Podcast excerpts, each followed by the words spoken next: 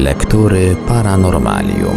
W Radiu Paranormalium kontynuujemy prezentację niezwykle interesującej książki pod tytułem My z kosmosu, autorstwa nieżyjącego już badacza i publicysty Arnolda Mostowicza. Większość sensacyjnych jak na lata 80. spraw do dziś nie znalazła satysfakcjonującego wyjaśnienia. Na antenie prezentujemy w odcinkach wydanie drugie tej książki z 1984 roku. Posłuchajmy jednego z fragmentów.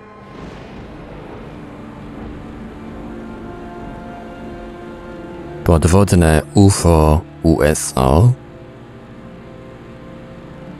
ale tajemnica łodzi podwodnych nie ogranicza się tylko do tych, które z niezrozumiałych przyczyn zaginęły. Eksperci wielu krajów, intagowani przez wścibskich reporterów, musieli przyznać, że od pewnego czasu obserwuje się w różnych częściach naszego globu niepokojącą obecność obiektów podwodnych nieznanego pochodzenia. Niewykluczone, że do takich obiektów należała zaobserwowana w 1970 roku niedaleko Nowej Gwinei łódź podwodna, która płynęła na powierzchni wody i o której tamtejsi tubylcy zgodnie twierdzili, że według pradawnej tradycji podobne obiekty pojawiały się w tych okolicach od dawien dawna. Można w to wierzyć lub nie. Ale 20 lutego 1971 roku znowu omal nie uległa katastrofie francuska łódź podwodna Fleur. Z nieuzasadnionych przyczyn na Fleur wysiadł motor. Na szczęście załoga została uratowana. Natomiast niektóre gazety francuskie wysuwały hipotezy, że przyczyną owych wypadków jest obecność w niektórych rejonach Morza Śródziemnego tajemniczych obiektów podwodnych. Trzeba dodać, że możliwość istnienia takich obiektów jest od pewnego czasu tematem rozważań najpotężniejszych wywiadów świata. Akta dotyczące tych tajemniczych wypadków, spotkań, doniesień pęcznieją. Datą, która stanowi w tych wydarzeniach oficjalne niejako otwarcie, jest rok 1960.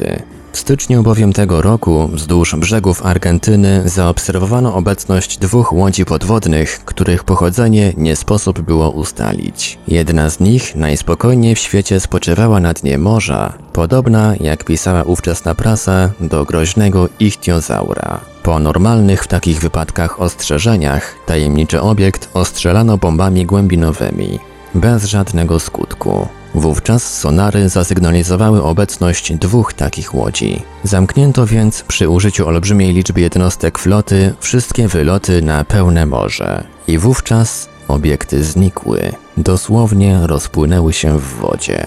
Było to tym bardziej niezrozumiałe, że całą akcją floty argentyńskiej kierowali oficerowie amerykańscy zaopatrzeni w najnowocześniejszy sprzęt techniczny. Wydawało się, że cała akcja jest zakończona, gdy nagle sonary zasygnalizowały ponownie pojawienie się owych obiektów podwodnych. Rozpoczęła się wściekła pogoń. Podczas tego wyścigu stwierdzono ponoć obecność sześciu takich obiektów podwodnych. Po pewnym czasie i one znikły. W tym samym czasie podobne obiekty pojawiły się w okolicach Morza Karaibskiego i ponownie na Morzu Śródziemnym.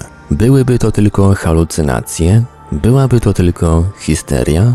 No, w jakimś sensie histeria odegrała tu niemałą rolę, zważywszy, że część prasy oskarżała Związek Radziecki o wysyłanie swoich łodzi podwodnych w różne strony świata. Prasa radziecka wyśmiewała te przypuszczenia, a później oficjalne komunikaty amerykańskie musiały przyznać, że w każdym razie nie Związek Radziecki ponosi odpowiedzialność za pojawienie się tych obiektów. Wydawało się, że cała sprawa ucichła, kiedy nagle pod koniec tegoż roku taki obiekt pojawił się w okolicy Seattle. Był to podobno obiekt wieloczłonowy. W ciągu następnych miesięcy notowano obecność podobnych łodzi w różnych częściach globu. Histeria? Należy przypuszczać, że to właśnie podobny obiekt wywołał wielkie poruszenie światowej opinii, kiedy to pojawił się pod koniec roku 1972 w okolicach fiordów norweskich. W ciągu 15 dni łódź podwodna nieznanego pochodzenia bawiła się w chowanego z wojenną flotą norweską, a nawet przybyłą tej flocie na pomoc flotą NATO. Pojawił się ten tajemniczy obiekt w pobliżu Bergen, następnie sygnalizowano go w okolicach Sognadl i Sognefjord. Gdy obiekt ten zniknął, władze norweskie ogłosiły komunikat, w którym stwierdziły, iż tajemniczy obiekt nie był prawdopodobnie łodzią podwodną. Dawano do zrozumienia, że był to prawdopodobnie delfin albo wieloryb. W związku z całą tą niezwykłą sprawą i w związku ze stale napływającymi sygnałami, władze amerykańskie zorganizowały szereg punktów obserwacyjnych na Bermudach, w pobliżu Azorów, a nawet w okolicach Pas de Calais. Jest rzeczą zrozumiałą, że więcej miejsca poświęciliśmy wydarzeniom bliskim nam w czasie. Łatwo bowiem można je zweryfikować za pomocą dostępnej każdemu prasy. Ale dodać trzeba, że informacje o tajemniczych obiektach pływających pod wodą nie są czymś nowym. Niektóre z nich znane są już od 100 lat. W roku 1902 załoga statku Fort Salisbury zaobserwowała na spokojnym morzu pod gwiaździstym niebem bardzo długi, tajemniczy obiekt pływający na powierzchni wody. Kapitan statku, zaalarmowany przez trzymającego wachtę marynarza, tak to określił. Cytat. Było to przerażające. Ciemności nie pozwalały na dokonanie dokładnych obserwacji, ale ów obiekt miał jakieś 150-180 metrów długości. U obydwu jego końców paliły się światła ostrzegawcze. Koniec cytatu. Obiekt zanurzył się i zniknął. Prosilibyśmy, aby czytelnicy zapamiętali sobie, gdzie dokonana została ta obserwacja. W Zatoce Syjamskiej, mianowicie. Jeszcze do tego punktu na Oceanie Indyjskim wrócimy. W latach 1955 i 1957 odnaleziono kilka statków porzuconych przez załogi. Między innymi w roku 1955 statek Joita na Pacyfiku. Opis tej odnalezionej jednostki dokładnie przypomina to wszystko, co pisaliśmy o innych porzuconych statkach. W tym samym miejscu, gdzie odnaleziono Joite, dwa lata później, w roku 1957, zniknął statek Ava Karimoa. Nic dziwnego, że próbowano obydwa te wypadki połączyć. Wysunięto hipotezę, że padły one ofiarą jakiejś łodzi podwodnej nieznanego pochodzenia. Hipoteza ta zresztą była oparta na dość solidnych podstawach. W tych bowiem okolicach marynarze wielokrotnie sygnalizowali obecność nieznanych obiektów podwodnych. We wrześniu 1974 roku Polskie Radio nadało słuchowisko Andrzeja Kurka, poświęcone temu właśnie tematowi. Słuchowisko było opracowane na podstawie materiałów zebranych przez jedno ze specjalistycznych czasopism radzieckich. Pismo to przypominało, że w ciągu ostatnich 10-15 lat napływa coraz więcej relacji poświęconych owym zagadkowym obiektom, już to pojawiającym się na powierzchni oceanów, już to odkrywanym gdzieś w głębinach. Należy sądzić, że jeśli obiekty te są ostatnio częściej spotykane, to nie dlatego chyba, że jest ich więcej, ale dlatego, że usprawnione zostały metody sygnalizacyjne i alarmowe. I nie tylko marynarze informują o tych obiektach. Oto w 1974 roku hydrolog dr Willia, znajdujący się na pokładzie lodołamacza Deep Freeze, Zauważył, jak nagle z pod wody wyskoczyło jakieś srebrzyste, kuliste ciało i błyskawicznie poszybowało w niebo. Zacnego hydrologa nie można posądzać o to, że był pijany, jak też nic nie wskazuje, że był ofiarą jakiejś fatomorgany, skoro to samo zjawisko zaobserwowali także i inni marynarze tego statku. Czasopismo radzieckie wspomina, że w 1963 roku podczas manewrów floty amerykańskiej u brzegów Porto Rico zauważono poruszający się po wodzie z szybkością 150 węzłów jakiś nieznany obiekt. Jednostki floty amerykańskiej ścigały to coś przez kilka dni, bez skutku, jako że obiekt ten schronił się na głębokości 20 tysięcy stóp. Ludzka technika nie zna aparatu o takiej szybkości i takiej możliwości zanurzenia się. Faktów potwierdzających istnienie, a także działalność obiektów podwodnych, bijących na głowę wszystkie współczesne osiągnięcia w tym zakresie, można by przytoczyć jeszcze więcej. Nie dziwmy się więc, że wszyscy ci, którzy z tymi faktami mieli do czynienia, bądź znają je z opowiadań i relacji, uznali, iż mamy tu do czynienia ze zjawiskiem USO. Przyjęli za fakt, że obok UFO, czyli Unidentified Flying Objects, czyli niezidentyfikowanych obiektów latających, nauka musi zająć się niezidentyfikowanymi obiektami podmorskimi, czyli Unidentified Submarine Objects, czyli USO. Chyba, że są to te same obiekty zdolne do poruszania się zarówno w powietrzu, jak i w wodzie, które niezależnie od tego, jak będziemy je zwali, są faktem realnym, rzeczywistym. Już tylko za zabawę fantastyczno-naukową uznamy hipotezę uczonego amerykańskiego profesora Sandersona, który twierdzi, że gdzieś w głębinach oceanów istnieje cywilizacja istot rozumnych, które nie są podobne do człowieka i które ewolucja zaopatrzyła w rozum, mimo iż żyją bez tlenu, bez światła słonecznego, pod wysokimi ciśnieniami, w najgłębszych wodach oceanu. Zabawa zabawą, i nie tędy rzecz jasna wiedzie droga do rozwikłania tej zagadki. Co kryją morskie głębiny? W numerze z lutego 1975 roku francuskiego miesięcznika popularno-naukowego Science at V Rodzaj naszych problemów ukazał się artykuł pod tytułem Dziwne zjawiska czekające na wytłumaczenie. Artykuł w Science at V poświęcony został zjawisku, weźmy to w cudzysłów, świecących ruchomych kręgów, jakie zaobserwowano na Oceanie Indyjskim w okolicach cieśniny Malakka i Zatoki Siamskiej. Te części oceanu łączą się ze sobą, przechodząc na wschodzie w Morze Południowochińskie. Zamiast streszczać ten artykuł, zacytujemy po prostu najważniejsze jego fragmenty. Są to relacje o zjawiskach, jak nam się wydaje, wiążących się z niezwykłymi wydarzeniami, które omówiliśmy w poprzednich rozdziałach. W każdym razie są to zjawiska czekające na wytłumaczenie. Oficjalna nauka nie okazała dotychczas dostatecznego zainteresowania nimi. Artykuł w Science at V jest takiego zainteresowania pierwszym zwiastunem. Oto najważniejsze fragmenty wspomnianej pozycji. Najdziwniejsze z tych czekających na wytłumaczenie zjawisk nieznane jest szerszej publiczności. Chodzi o świetlne, ruchome kręgi.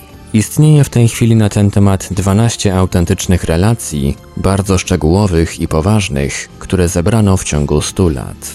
Zjawisko to ma miejsce na Oceanie Indyjskim, w Zatoce Siemskiej i na północ od Borneo. Styczeń 1880 roku. Komendant R.E. Harris, kapitan statku Shahinian, Zaobserwował zjawisko świetlne, jakiego dotychczas jeszcze nie widział. Podczas pięknej, bezksiężycowej nocy, przy idealnie spokojnym morzu, uwaga załogi została nagle zaobserwowana błyskiem światła na powierzchni wody. Błysk ten rozszerzał się szybko w postaci łuku unoszącego się kilka stóp nad powierzchnią morza. Statek, kontynuując swoją drogę, przeciął w jednym miejscu koniec osobliwego łuku i został otoczony czymś w rodzaju mgły. Kapitan Harris obserwował tę mgłę za pomocą lunety, zanim statek znalazł się w jej obrębie i stwierdził, że przebiegają przez nią błyski światła. Kiedy statek znalazł się w centrum tej emisji, kapitan nakazał zatrzymać maszyny. W ciągu pół godziny jeden promień światła gonił błyskawicznie drugi,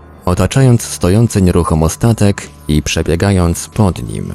Były to promienie światła w kolorze srebrzystym, które rozpraszały się nad morzem. A oto inne świadectwo. Jego autorem jest George A. Turner, drugi oficer statku Consular. Data dokonania tych obserwacji 24 lipca 1908 roku. Oto jak brzmi sprawozdanie tego świadka ze zjawisk zaobserwowanych w Zatoce Siamskiej.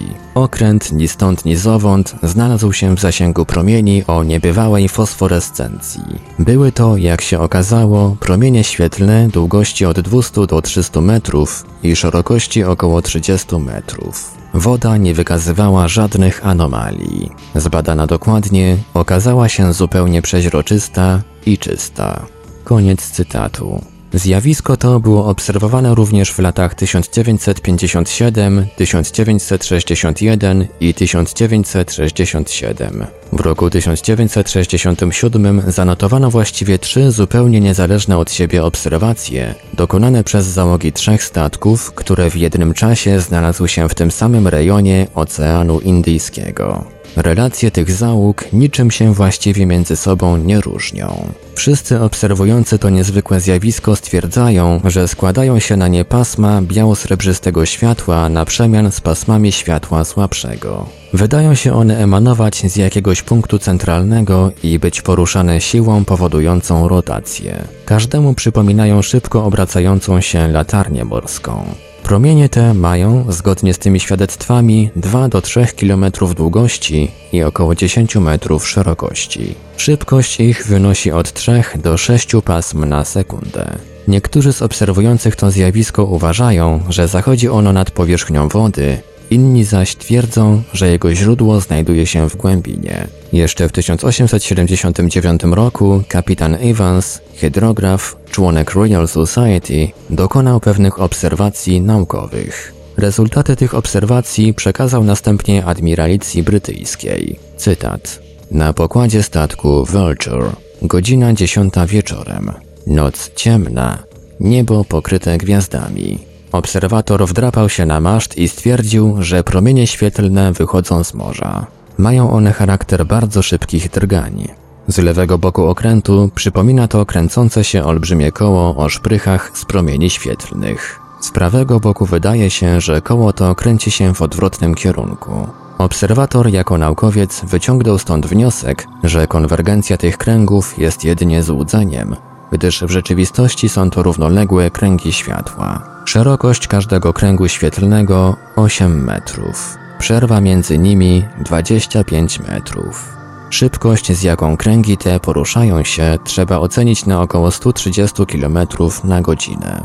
Koniec cytatu. Trzeba przyznać, że opisy te nie są bardzo precyzyjne, ale mimo że trudno to sobie wyobrazić, można się mniej więcej zorientować w charakterze tego zjawiska. Przypis od Arnolda Mosnowicza. Science EDV zastanawia się, czy koła świetlne w powietrzu i koła świetlne wychodzące z głębi oceanu są zjawiskami odrębnymi. Otóż jedno ze świadectw stwierdza, że to pierwsze przechodzi w drugie. Świadectwo to zamieszczone jest w gazecie Kölnische Zeitung z 30 czerwca 1870 roku. Opis odpowiada mniej więcej opisom poprzednim z tą różnicą, że szczegółowie wyjaśnia w jaki sposób koła świetlne otaczają cały statek świecącą mgłą, tworzącą z nocy dzień. Zdaniem czasopisma francuskiego zjawiska tego niczym właściwie wytłumaczyć nie można. Jedna z teorii próbuje je wyjaśnić obecnością w wodzie olbrzymich ilości mikroskopijnych żyjątek, które pod wpływem określonych warunków fizycznych zaczynają silnie fosforyzować. Ale pismo przyznaje, że nie jest to żadne wytłumaczenie, gdyż nie wyjaśnia ani szybkości owych ruchomych kręgów, ani faktu owej mechanicznej, wychodzącej jak gdyby z głębi oceanu rotacji, przypominającej latarnię morską. Oto mniej więcej treść artykułu w piśmie redagowanym przez wybitnych specjalistów, ludzi poważnych, odrzucających wszelkie informacje o wątpliwej autentyczności. Musimy przyznać, że jest to pierwsza tego rodzaju relacja, jaką w piśmie tym znaleźliśmy. Informacja, która wręcz zakrawa na próbę fantastyki literackiej.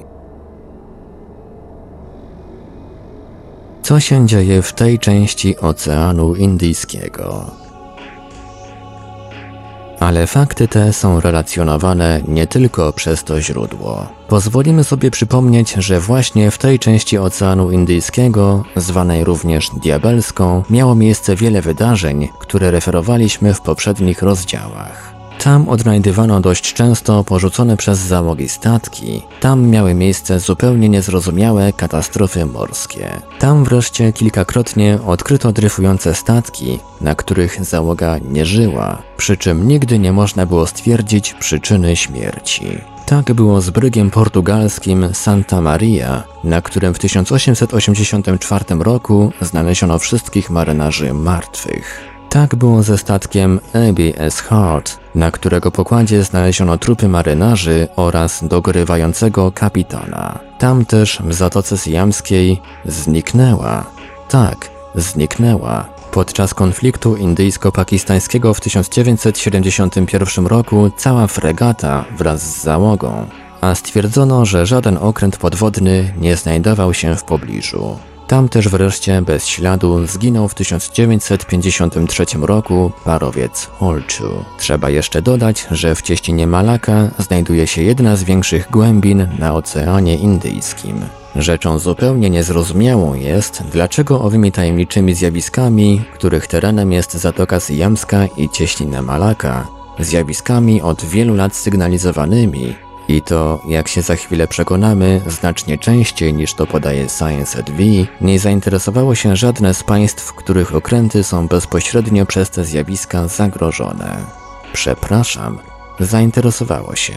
W 1959 roku rząd japoński wysłał do rejonu Morza Diabelskiego misję badawczą. Misja ta dostała do dyspozycji specjalnie wyposażony statek. Czy uczeni biorący udział w tej wyprawie odkryli tajemnice tamtejszych wód? Trudno powiedzieć, jako że wszelki słuch po statku i po jego załodze zaginął, a późniejsze poszukiwania pozostały bez skutku. Cytowaliśmy obszernie pismo popularno-naukowe, nie poddające się histerii, ani nie ulegające modnym tematom. Lecz oto mamy przed sobą książkę w całości poświęconą niewytłumaczalnym wypadkom na morzach i oceanach. Powiedzmy, że nie jest to literatura najbardziej miarodajna, ale autor tej książki, Patrick Gaston, cytuje te same relacje co Science at V, co pozwala na udzielenie wotum zaufania i innym zawartym w tej książce informacjom. W czerwcu 1909 roku kapitan Gabe, Duńczyk, na statku Bintang zaobserwował również ruchome kręgi świetlne na powierzchni morza. Zdarzyło się to w cieśninie Malaka. Cytuję. Kapitan Gabe, człowiek skrupulatny i dokładny, stwierdził z całą pewnością, że te potężne koła świetlne nie mogły mieć innego, poza głębią morską, źródła.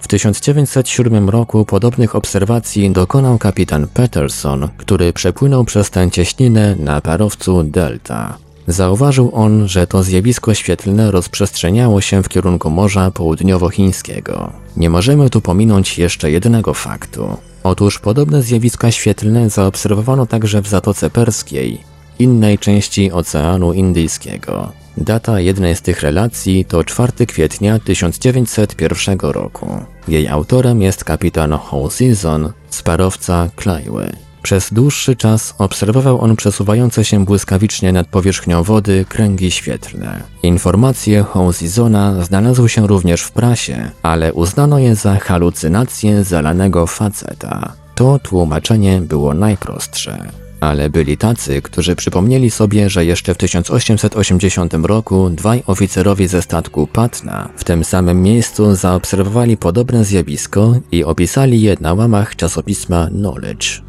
Ich opis uderzał dokładnością i realizmem.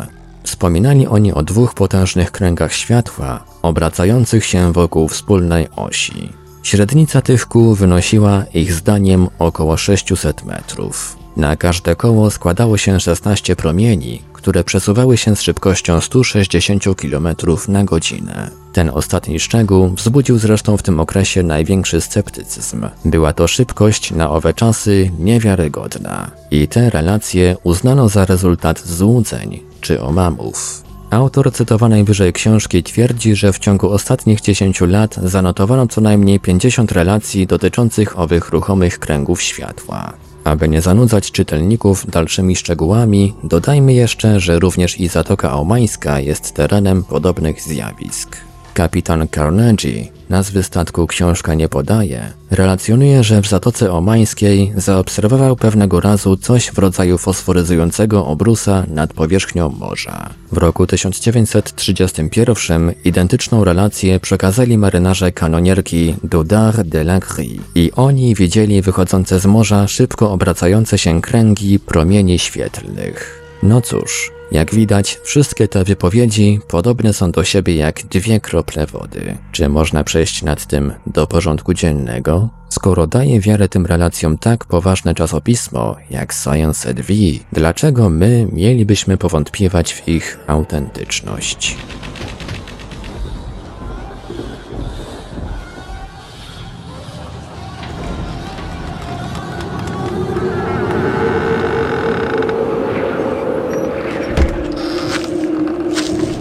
Radiu Paranormalium zaprezentowaliśmy fragment książki Arnolda Mostowicza My z kosmosu. Dalszy ciąg w kolejnym odcinku Lektur Paranormalium. Archiwalne odcinki Lektur Paranormalium znajdziesz do pobrania w archiwum naszego radia na stronie www.paranormalium.pl.